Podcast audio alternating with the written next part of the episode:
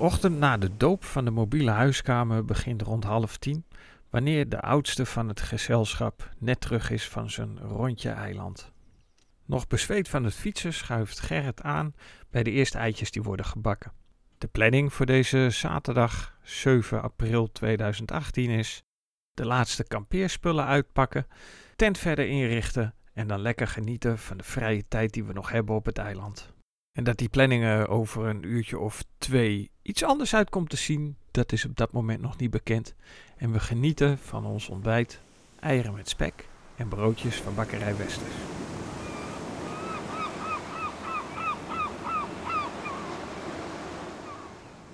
Na het ontbijt, wanneer de meeste van ons fris geschoren en gedoucht zijn, staat Bertel een keukenkastje te installeren en is Rob bezig met het aansluiten van het zonnepaneel op de accu.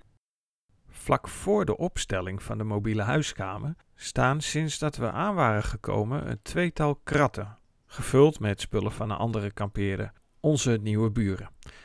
Van deze buren hebben we nog niks vernomen. Maar volgens onze andere nieuwe buren, waar we gisteravond tijdens de inwijdingsborrel van de mobiele huiskamer in de Bolder kennis mee hebben gemaakt, kunnen we verwachten dat deze mensen vandaag hun tent komen opzetten. Kort voordat de laatste hand wordt gelegd aan de inrichting van de mobiele huiskamer, zie ik een man van midden dertig, gedrongen postuur, kaal hoofd en een forse hipsterbaard op mij aflopen. De man stelt zich voor als de nieuwe buurman. En wint er geen doekjes om, want hij uh, doet direct zijn beklag. De positie waar wij onze tent hebben opgezet wijkt af van de traditionele plaats van paal 293. Het verzoek aan ons is dan ook om de mobiele huiskamer te verplaatsen. Ik verplaats helemaal niks, hoor ik Gerrit enthousiast roepen terwijl ik het slechte nieuws breng. Een begrijpelijke reactie van Gerrit, want hij heeft de dag ervoor het meeste werk verzet bij het leggen van het fundament voor de mobiele huiskamer. Na een paar momenten zie ik Gerrit zich herpakken, zodat hij kan doen waar hij het beste in is: het begeleiden naar een oplossing in dit soort uitdagingen.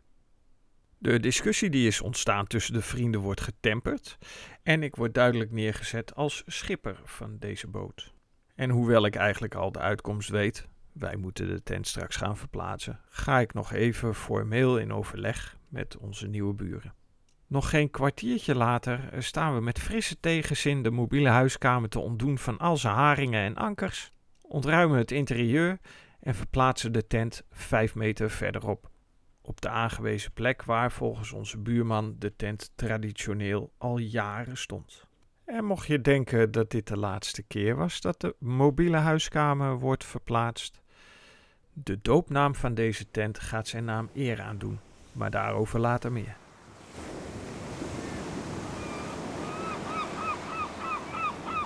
Het kunnen omgaan met opdringerige, bedweterige types is een van onze kwaliteiten waarvan de oorsprong ook te vinden is op dit eiland.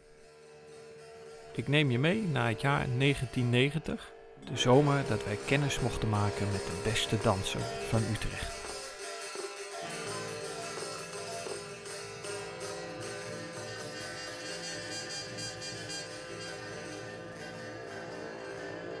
Het waren de hoogtijdagen van de hip-hop in Nederland, waarbij King B met zijn eh, album Royal Jelly Nederland internationaal op de hip-hop kaart zet.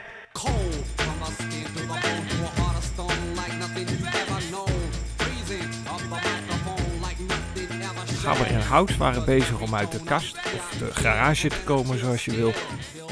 En de Rolling Stones hadden een klein comebackje met hun hit Angie het nummer dat Phil had ingestudeerd op de gitaar om te kunnen spelen bij het kampvuur. Waar hij het na iets te veel bier had omgedoopt naar eentje.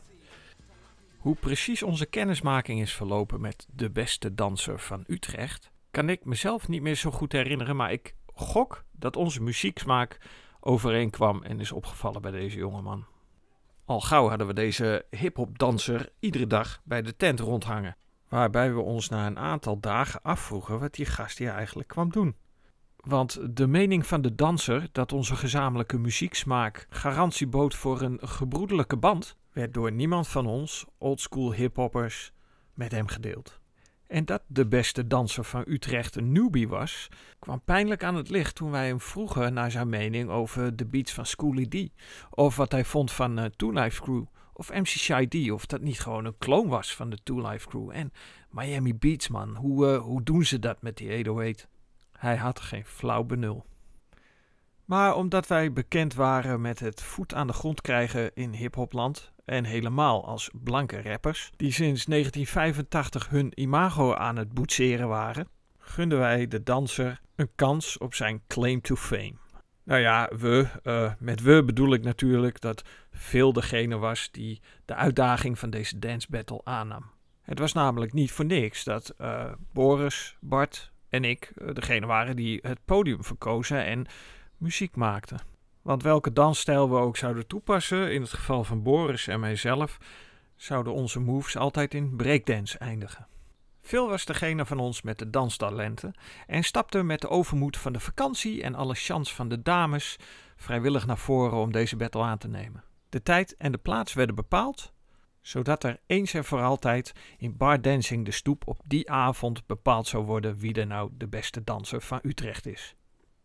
Ik vond het, totaal ondeskundig als ik ben op het gebied van dansen, op dat moment verbazingwekkend hoe gemakkelijk Phil deze uitdaging aannam. Vol zelfvertrouwen en zonder voorbereidingen ging hij de dag door en zag ik mijn vriend in de disco lekker casual een drankje nuttigen voordat de battle zou beginnen. Wat ik niet wist is dat mijn vriend voorkennis had. Hij had namelijk de beste danser van Utrecht al een paar dance moves zien doen. Voorkennis van Phil zat er maar in dat hij had gezien dat de beste danser van Utrecht een heel beperkt scala aan moves had. Namelijk één, in diverse snelheden. En hoe snel, dat hing van het tijdstip af.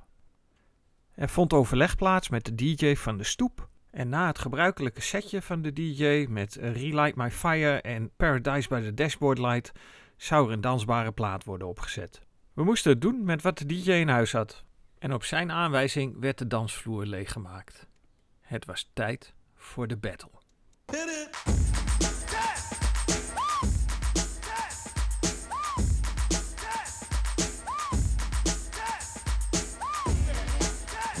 Zijknat van het zweet door de veel te dikke hip-hop outfit van de beste danser van Utrecht zwoegde hij zich over de dansvloer en zijn ding. Het enige ding dat hij kon. Na nog geen minuut draaide Phil behendig in zijn t-shirtje en zijn spijkerbroek de dansvloer op en dwong de beste danser van Utrecht richting het publiek. Phil deed zijn bewegingen zonder enige moeite, zonder enige inspanning. Het leek alsof hij over de dansvloer zweefde. Ik geloof dat de tegenstander nog één kleine poging heeft ondernomen om zijn comeback op de dansvloer te maken, maar hij werd genadeloos weggehoond door het publiek. De uitslag van deze battle was duidelijk. Ik heb het al eens eerder gezegd. Wanneer je op de boot naar Vlieland stapt, is het alsof je een tijdreis maakt. En dat ik daar niet alleen in ben, dat blijkt wel toen ik terugliep van het toiletgebouw en in de verte de klanken van onze favoriete muziek uit de jaren 80, begin jaren 90 hoorde. Bertel zat in zijn eentje voor de tent van de mobiele huiskamer. Te genieten van het muziekje wat uit zijn telefoon schalde in de pan waar hij het had gestald om het geluid een beetje te versterken. De mobiele huiskamer was geheel naar wens van onze nieuwe buurman verplaatst en Bertel zat voor de tent te genieten van de rust na de wandeling die we hadden gemaakt om te lunchen bij strandtent Oost. Het was tijd om even op te frissen, wat te relaxen, om smiddags richting Dorpstraat te gaan. We hadden afgesproken in het café, waar Gerrit met zijn vrienden de gebruikelijke zaterdagmiddagborrel ging nuttigen. We hadden nog even tijd en er werd verschrikkelijk gelachen om platte grappen, die 30 jaar geleden nog prima konden, maar in deze eeuw al gauw met het icoontje van eh, scheldwoorden en grof taalgebruik zouden moeten worden bestempeld. Onze verbazing ging dan ook al onze voorstellingsvermogen te boven toen er die middag een mevrouw aankwam lopen die zich ging beklagen over de herrie die we bij ons hadden. Maar dat verhaal bewaar ik voor een volgende keer. Dankjewel voor het luisteren naar deze aflevering van de Mobiele Huiskamer. De beste danser van Utrecht.